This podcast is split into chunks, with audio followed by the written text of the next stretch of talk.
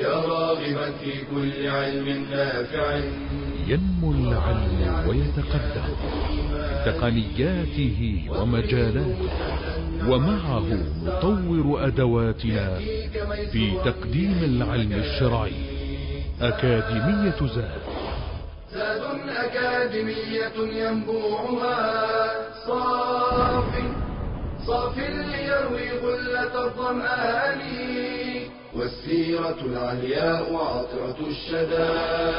طيب يفوح لأهل كل زمان. بشرى لنا أكاديمية للعلم كالأزهار في البستان. بسم الله الرحمن الرحيم. الحمد لله رب العالمين. والصلاة والسلام على المبعوث رحمة للعالمين نبينا محمد وعلى آله وصحبه أجمعين. أما بعد السلام عليكم ورحمة الله وبركاته. العبادات متنوعة تختلف وهذا من فضل الله عز وجل بالبشر. تخيل معي لو أن الله تعالى حصر العبادات فقط في قيام الليل.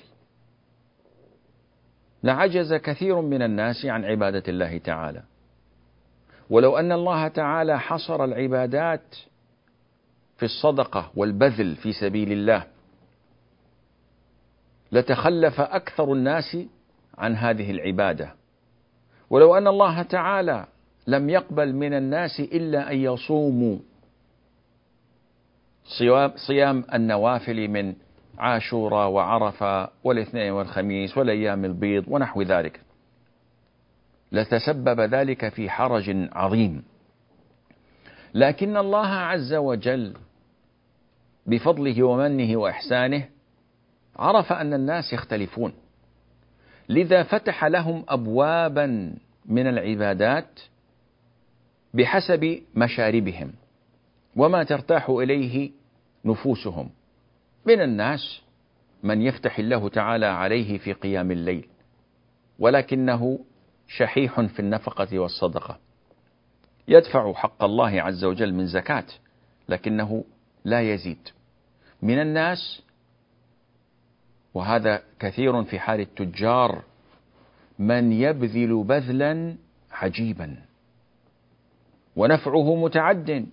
فينفع الناس ويبني الكليات والمدارس ويفتح المستشفيات ويطعم الطعام كل ذلك بماله. ولذا جاء في الحديث ذهب أهل الدثور بالأجور. أصحاب المال ذهبوا بالأجر العظيم.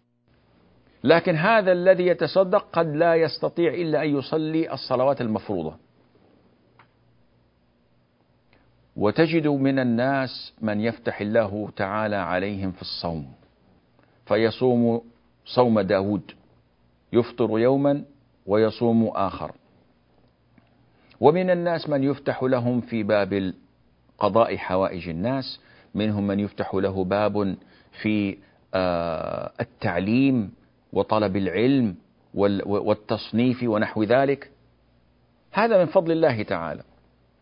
إلا أنه من أعظم العبادات التي نغفل عنها عبادة التأمل والتدبر والتفكر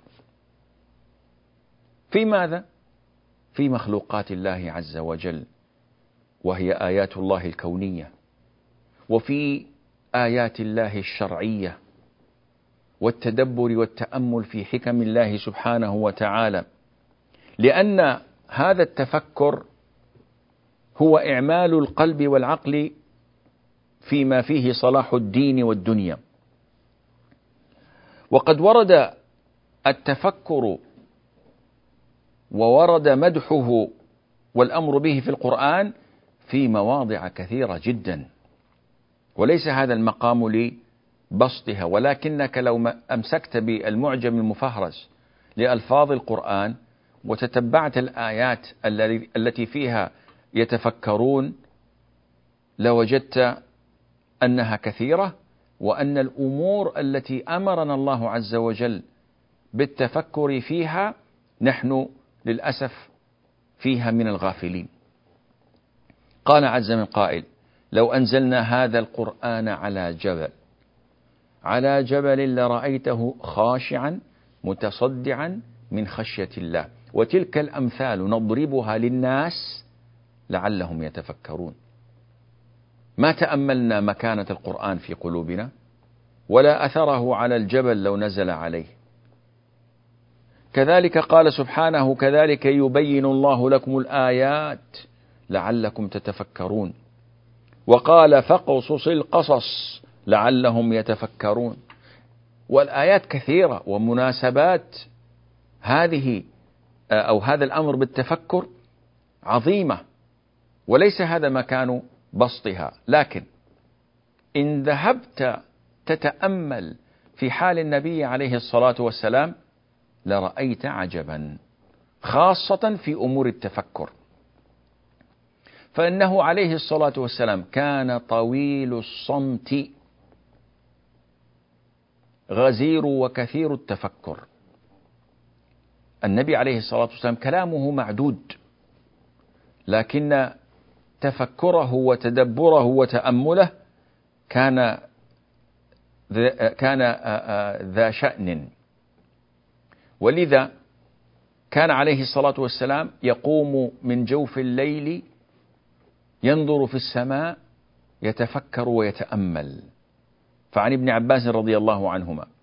أنه بات عند النبي عليه الصلاة والسلام ذات ليلة فقام عليه الصلاة والسلام من آخر الليل فخرج فنظر في السماء ثم تلا هذه الآية, هذه الآية إن في خلق السماوات والأرض واختلاف الليل والنهار حتى بلغ قوله عز وجل فقنا عذاب النار.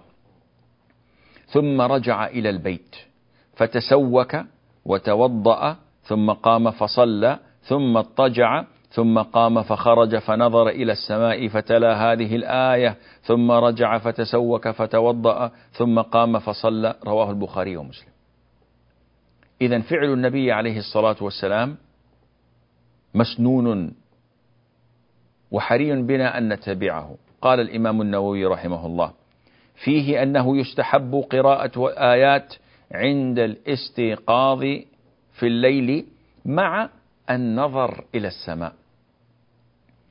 شوف النظر إلى السماء أثناء الصلاة محرم منهي عنه. وقد شدد في ذلك عليه الصلاة والسلام أثناء الصلاة أنه ربما خطف بصر العبد وهو ينظر إلى السماء أثناء صلاته لأن هذا مخالف للخشوع. أن تنظر إلى موضع سجودك في خضوع وخشوع. أما عند الاستيقاظ من النوم فإنه وقت تأمل وتفكر. لا وقت صلاة الآن. أنت لست في صلاة. فتنظر إلى السماء وتقرأ هذه الآيات وتجيل البصر في السماوات ويعود البصر إليك خاسئا وهو حسير. من كمال وجمال هذه السماء. يقول النووي رحمه الله يستحب قراءتها عند الاستيقاظ في الليل مع النظر إلى السماء. لما في ذلك من عظيم التدبر. وإذا تكرر نومه واستيقاظه وخروجه استحب تكريره قراءة هذه الآيات كما ذكر في الحديث. عبادة التفكر هذه عبادة عظيمة لأنها تورث القلب خشية الله حقيقة. قد لا أتفكر ولا أتأمل ولا أتدبر ولكني منضبط في عبادتي مجتنب للحرام قائم بأمر الله كما أمر عز وجل. هذا خير ولكن يخشى على من تلك حاله أن تأتيه شبهة أو تسيطر عليه شهوة فتزحزحه عن الصراط المستقيم. أما ذاك الذي يتدبر ويتأمل ويتفكر فإن الإيمان مغروس في قلبه. وهو على الجادة ليقينه واعتقاده وإيمانه. ولا شك أن حالة هذا أفضل من حالة ذاك. والله أعلم. فاصل قصير وبعدها نواصل بإذن الله. فانتظرونا. بشرى لنا أكاديمية للعلم كالأزهار في البستان.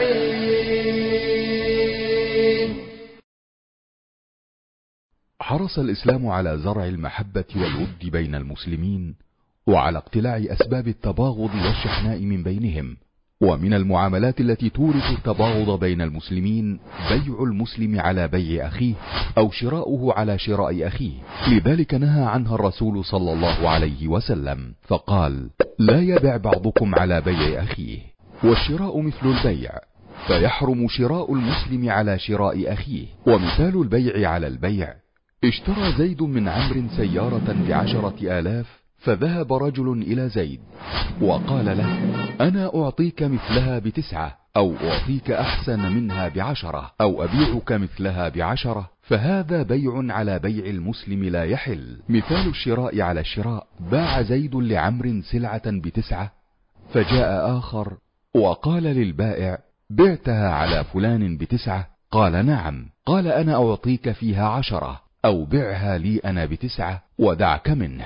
والراجح أن البيع على البيع حرام سواء كان ذلك في زمن الخيار أو بعد تمام البيع لأنه مما يورث الشحناء والبغضاء بين المسلمين. بشرى لنا أكاديمية للعلم كالأزهار في البستان. السلام عليكم ورحمة الله وبركاته. تأمل وتفكر النبي عليه الصلاة والسلام عجيب حقيقة. كان صلى الله عليه وآله وسلم يتفكر في الآية الواحدة. نحن نقرأ القرآن نختمه على أقل تقدير مرة كل كل شهر كما جاء في أمره عليه الصلاة والسلام لسيدنا عبد الله بن عمرو بن العاص رضي الله عنهما. لكن هذا الأمر وتلك القراءة وتلك الختمة أو أكثر من ختمة في الشهر بدون تفكر ينقصها أجر عظيم ويزول عنها فائدة مهمة. النبي عليه الصلاة والسلام ربما قام الليل بالآية الواحدة. تخيل. أي نعم هو الذي قال من قام بعشر آيات لم يكتب من الغافلين ومن قال قام بمئة آية كتب من القانتين ومن قام بألف آية كتب من المقنطرين. هو نفسه عليه الصلاة والسلام الذي قام في ركعة واحدة بسورة البقرة والنساء وآل عمران. لكنه أيضا هو نفسه عليه الصلاة والسلام الذي قام الليل بآية واحدة. عن أبي ذر الغفاري رضي الله عنه قال صلى النبي صلى الله عليه وآله وسلم ليلة فقرأ بآية حتى أصبح. يعني الليل كله يقرأ آية واحدة. يقول يركع بها ويسجد بها. وهذا أو هذه العبارة فيها خلاف. يعني كيف يركع بها ويسجد بها ونحن منهيون عن قراءة القرآن في السجود والركوع. فمن أهل العلم من قال هذا كان قبل النهي وقبل النسخ. ومنهم من قال لا معنى الآية أنه يركع ويسجد ولا يقرأ في القيام إلا بهذه الآية. ثم يقوم ويقرأها ويركع ويسجد ثم يقوم ويركع ويسجد. ما هذه الآية؟ قول الله عز وجل إن تعذبهم فإنهم عبادك. وإن تغفر لهم فإنك أنت العزيز الحكيم. هذه مقولة عيسى ابن مريم عليه الصلاة والسلام. طيب الآية هذه فيها تعظيم لله عز وجل بأنه لا يغفر الذنوب إلا هو ولا يعذب بالذنب إلا هو. فهذا دعاء لله عز وجل واستجداء لرحمته نفعا لعباده. فالنبي عليه الصلاة والسلام هو الشافع هو الذي يسأل ربه عز وجل أن يرحم أمته. أسأل الله أن يرحمني وإياكم وأن يجعلنا من من له الحظ الأعظم في دعوته عليه الصلاة والسلام. لذلك كان يردد هذه الآية لعلمه بمعناها ولتفكره ومعرفته بمقتضاها. صلى الله عليه وآله وسلم. يقول ابن القيم وهذه كانت عادة السلف يردد أحدهم الآية إلى الصباح. لا يهذون القرآن هذا لا يتلونه وهم لا يريدون إلا الوصول إلى آخر السورة. كما جاء عن السلف لا يكن هم أحدكم آخر السورة. يقرؤون القرآن ويتلذذون به.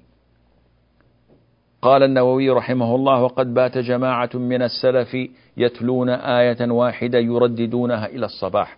هذا هو التفكر والتدبر والتأمل. بل ربما بلغ التفكر في آيات الله بنبينا عليه الصلاة والسلام أنه ربما بكى عند التفكر في معاني بعض الآيات.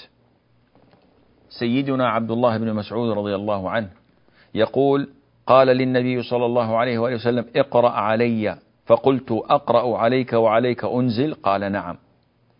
يقول فقرأت سورة النساء حتى إذا أتيت إلى قول الله تعالى فكيف إذا جئنا من كل أمة بشهيد وجئنا بك على هؤلاء شهيدا قال حسبك الآن.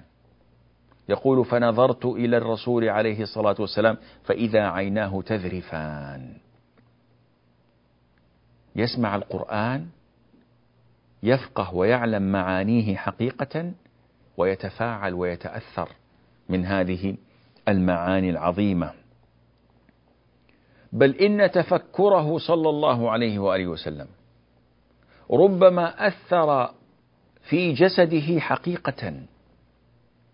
التفكر يعني أنك تتفاعل وهذا التفاعل في مفهومنا اليومي الحالي المعاصر قد يرفع الضغط قد يصيب الإنسان بالسكر قد يأتيه بالهموم والغموم في أمور الدنيا. فكيف لو تفكر في ملكوت الله عز وجل وفي عظمته؟ هذا يورثه اطمئنان القلب ولكن ربما أثر على جسده. جاء عن ابن عباس رضي الله عنهما قال قال أبو بكر يا رسول الله قد شبت. يعني ظهر الشيب عليك يا رسول الله. فقال صلى الله عليه وآله وسلم شيبتني هود والواقعة والمرسلات وعما يتساءلون وإذا الشمس كورت. سبحان الله. نحن نقرأ هذه السور؟ والله ما أثرت فينا. ولا فعلت بنا الأفاعيل لماذا؟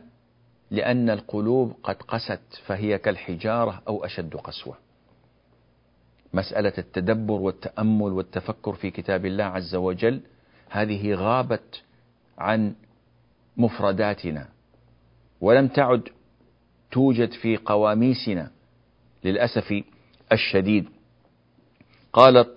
قال الطيبي رحمه الله وذلك لما في هذه الصور من أهوال يوم القيامة. صور عظيمة معان جليلة. ذكر أهوال يوم القيامة يشيب لها الولدان لكن لمن كان له قلب أو ألقى السمع وهو شهيد. النبي عليه الصلاة والسلام تفكره في الأمور شيء عجيب. أنت إذا ذهبت تبحث في كلامه عليه الصلاة والسلام. رأيت حكمة عجيبة في كلمتين اثنتين يصنف فيهما العلماء المصنفات. إنما الأعمال بالنية. إنما الأعمال بالنيات. هذا هذا يعني من المقاصد أو من القواعد الفقهية الكبرى. لا ضرر ولا ضرار. انظر ما قال فيه أهل العلم. هو الطهور ماؤه الحل ميتته. كلمات معدودة. طيب هذه من وين جات؟ هذه أتت من التفكر والتدبر والتأمل فكل ما يخرج من فمه عليه الصلاة والسلام هو الحكمة. ولذلك ليس كل ما يقوله عليه الصلاة والسلام هو وحي. إنما النبي عليه الصلاة والسلام مشرع مأذون له من الله عز وجل بأن يجتهد وأن يشرع لأمته. فإذا كان هذا التشريع وحيا فهو لا ينطق عن الهوى ابتداء. وإن كان التشريع اجتهاد منه عليه الصلاة والسلام فأقره الله تعالى عليه فهو وحي انتهاء. لذا إذا تكلم واجتهد عليه الصلاة والسلام بما جانب الصواب فإن الله عز وجل يصوبه ويصححه عفى الله عنك لما أذنت لهم كما عاتبه في أسارى بدر. صلى الله عليه وآله وسلم. اجتهد وأخطأ. فصوبه الله تعالى عبس وتولى. يصحح الله عز وجل هذا الخطأ وهو شيء يسير لا يذكر. ولا في الأصل فأن ما يتحدث به عليه الصلاة والسلام إنما هو من إلهام الله وتوفيقه له ومن تدبره وتفكره وتأمله فلا يخرج منه إلا الحكمة والنور والهدى. وهذه من نتائج التفكر. فاصل قصير وبعدها نواصل بإذن الله. بشرى لنا أكاديمية للعلم كالأزهار في البستان.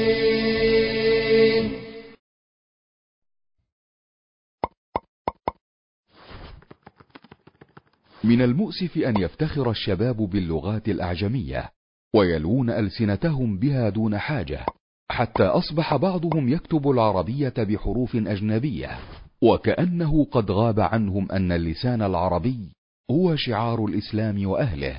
قال تعالى إنا أنزلناه قرآنا عربيا لعلكم تعقلون فاللغات من أعظم شعائر الأمم التي بها يتميزون لذا كره السلف التكلم بغير العربية إلا لحاجة إذ هي من شعائر الإسلام وحفظها من تمام حفظه. فينبغي للمسلم أن يعتني باللغة العربية وأن يكون حريصا على دراسة المهم من قواعدها واحتساب الثواب في ذلك إذ هي مفتاح الفهم للقرآن والسنة. اجتناب اللحن والخطأ فيها قدر المستطاع. عن نافع قال كان ابن عمر يضرب ولده على اللحن. مطالعة كتب الأدب في التراث العربي لا سيما الكتب التي يذكر فيها الشعر والنثر. فذلك مما يقيم اللسان ويزيد الحصيلة اللغوية لدى القارئ. الالتزام بها في المكاتبات والحوارات والشعارات في مواقع التواصل وغيرها. التزام التحدث بها مع الكبار والصغار ولو لفترة وجيزة كل يوم. تعليم الأبناء قواعدها وتربيتهم على حبها وإتقانها منذ الصغر إذ هي لغة القرآن الذي وصفه الله بقوله وإنه لكتاب عزيز لا يأتيه الباطل من بين يديه ولا من خلفه تنزيل من حكيم حميد. بشرى لنا أكاديمية للعلم كالأزهار في البستان. السلام عليكم ورحمة الله وبركاته. النبي عليه الصلاة والسلام كان يأمرنا بالتفكر والتدبر والتأمل.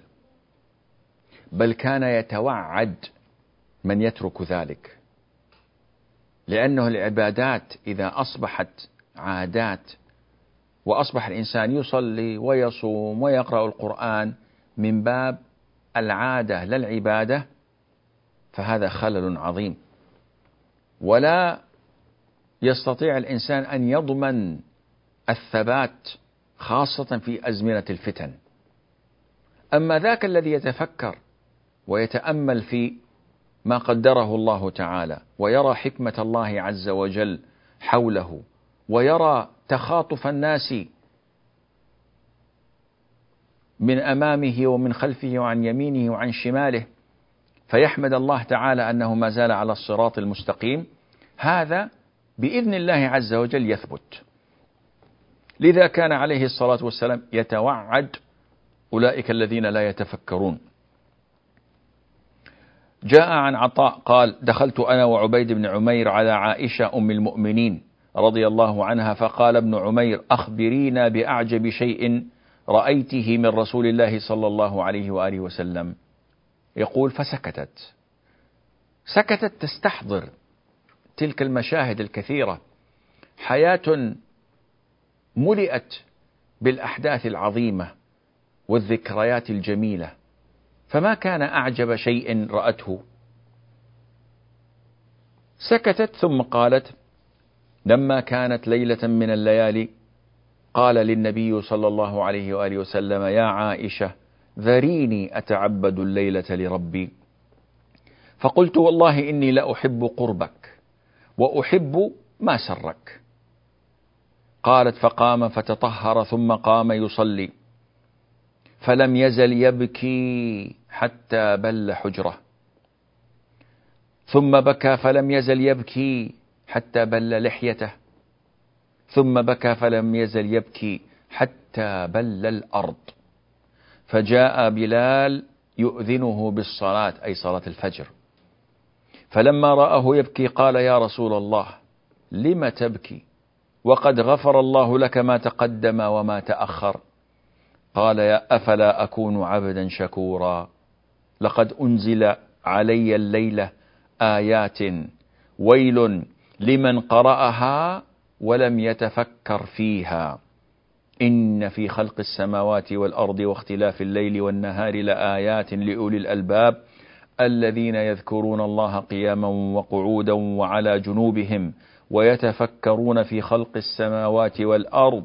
ربنا ما خلقت هذا باطلا سبحانك فقنا عذاب النار. قال عليه الصلاة والسلام ويل لمن قرأها ولم يتفكر فيها. اذا هذا وعيد من النبي عليه الصلاة والسلام. لمن يترك التفكر في هذه الآيات العظيمة؟ لا بد للمسلم أن يجتهد في اتباع هديه صلى الله عليه وآله وسلم خاصة في مسائل التفكر. هذا التفكر بدأ مع النبي عليه الصلاة والسلام قبل البعثة قبل أن يوحى إليه. قبل البعثة والوحي كيف كان حاله؟ أمنا عائشة رضي الله عنها تقول أول ما بدأ به رسول الله صلى الله عليه وآله وسلم من الوحي الرؤيا الصالحة. فكان لا يرى رؤيا إلا جاءت مثل فلق الصبح. ثم حبب إليه الخلاء. فكان يخلو بغار حراء يتحنث فيه الليالي ذوات العدد قبل أن ينزع إلى أهله ويتزود لذلك. ثم يرجع إلى خديجة فيتزود لمثلها حتى جاءه الحق وهو في غار حراء إلى آخر الحديث. إذا قولها يتحنث الليالي ذوات العدد. هذا التحنث هو عبادة الله عز وجل. طيب هو أصلا لم يوحى إليه. وما كانت الصلاة مشروعة. ولم يعرف ما يعبد الله عز وجل تعالى عليه. ووجدك ضالا فهدى. فما هذا هو ما ما هو هذا التحنث؟ هذا التحنث هو التأمل والتفكر في مخلوقات الله عز وجل. النبي صلى الله عليه وآله وسلم كان منذ صغره جادا وكان يتأمل ما كان عليه قومه من العبادات الباطلة والأوهام الزائفة التي حمى الله تعالى قلبه من زيفها ولم تلقى قبولا عنده في عقله بحكم ما عصمه الله تعالى وهداه به.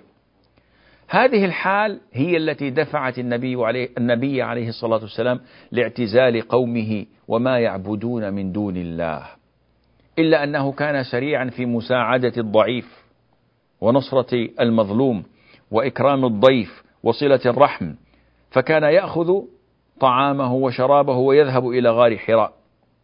يقول عليه الصلاة والسلام والحديث في الصحيح جاورت بحراء شهرا. طيب ماذا يوجد في غار حراء؟ غار حراء في جبل النور على بعد ميلين من مكة. لا ترى فيه إلا الجبال الشامخة والسماء الصافية وتستطيع أن ترى الكعبة منه. فهذا أمر يبعث على التأمل والتفكر والتدبر وكان يمضي في هذا الغار عليه الصلاة والسلام بلا أي وسيلة من وسائل الراحة يمضي الليالي ذوات العدد. يقضي وقته متأملا متفكرا متدبرا. وليس في قلبه الطمأنينة على ما عليه قومه. هو ليس مرتاحا لهذا المنهج الذي يسلكوه لأنه لا يرضي الله عز وجل وهو لا يستطيع أن يضع إصبعه على مكان الخلل. وكان أكثر ما يقضي في هذا الغار كان في شهر رمضان. وما جاءنا في السنة المطهرة صفة معينة أو هيئة كان صلى الله عليه وسلم يتخذها في تعبده. بل كل ما هنالك هو البعد كل البعد عن الشرك ومظاهر الكفر والخلوة بالله عز وجل والتفكر في ملكوت السماوات والأرض. ولذلك نزل على النبي عليه الصلاة والسلام سيدنا جبريل بالوحي في ليلة القدر في شهر رمضان في ذلك الغار. الغريب أن النبي عليه الصلاة والسلام بعد نزول الوحي لم يرجع إلى غار حراء. أبدا. ولا ذهب أحد من أصحابه ولا من التابعين ولا من أتباعهم إلى ذلك الغار. كما يفعل البعض هذه الأيام من زيارتهم وتعنيهم مشقة الصعود وهذا ليس من السنة أبدا وليس بأمر مشروع. هذه الخلوة كانت تريح النبي عليه الصلاة والسلام من الواقع البغيض الذي كان يعيشه المشركون في قريش وفي العالم من حوله. ولذلك بعد البعثة وبعد الهجرة لم يكن النبي عليه الصلاة والسلام يخصص أياما في عامه للخلوة بربه عز وجل إلا في العشر الأواخر من رمضان. أي نعم هو اعتكف في أول الشهر وفي وسطه واستقر اعتكافه على آخر الشهر. وقضاه في سنة من السنوات في شهر شوال. لكن ما كان يخلو هذا النوع من الخلوة المشروعة في ديننا إلا في العشر الأواخر من رمضان ليفتح بابا مهما للدعاة والعلماء لكي يحافظوا على نقاء النفوس دون أن يخلوا بمهامهم عن طريق تأملهم وتفكرهم في هذه الفترة المباركة. ولذا يجب على المسلم أن يحرص على أن يخصص وقتا من يومه وليلته للتأمل والتدبر ومراجعة النفس والخلوة مع الله عز وجل كي يستطيع أن يعيد شحن قلبه بالطاقة اللازمة للدعوة إلى ربه والثبات على على الصراط المستقيم وعلى الطريق القويم. أسأل الله سبحانه وتعالى بأسمائه وصفاته الحسنى أن يجعلني وإياكم ممن يثبتون على سنة النبي صلى الله عليه وآله وسلم ويدعون الناس إليها إنه ولي ذلك والقادر عليه. والسلام عليكم ورحمة الله وبركاته. يا راغبا في كل علم نافع متطلعا لزيادة الإيمان وتريد سهلا النوال ميسرا يأتيك ميسورا بأي مكان. زاد زاد أكاديمية ينبوعها صاف صاف ليروي غلة الظمآن والسيرة العلياء عطرة الشدى. طيب يفوح لأهل كل زمان. بشرى لنا ذات أكاديمية للعلم كالأزهار في البستان.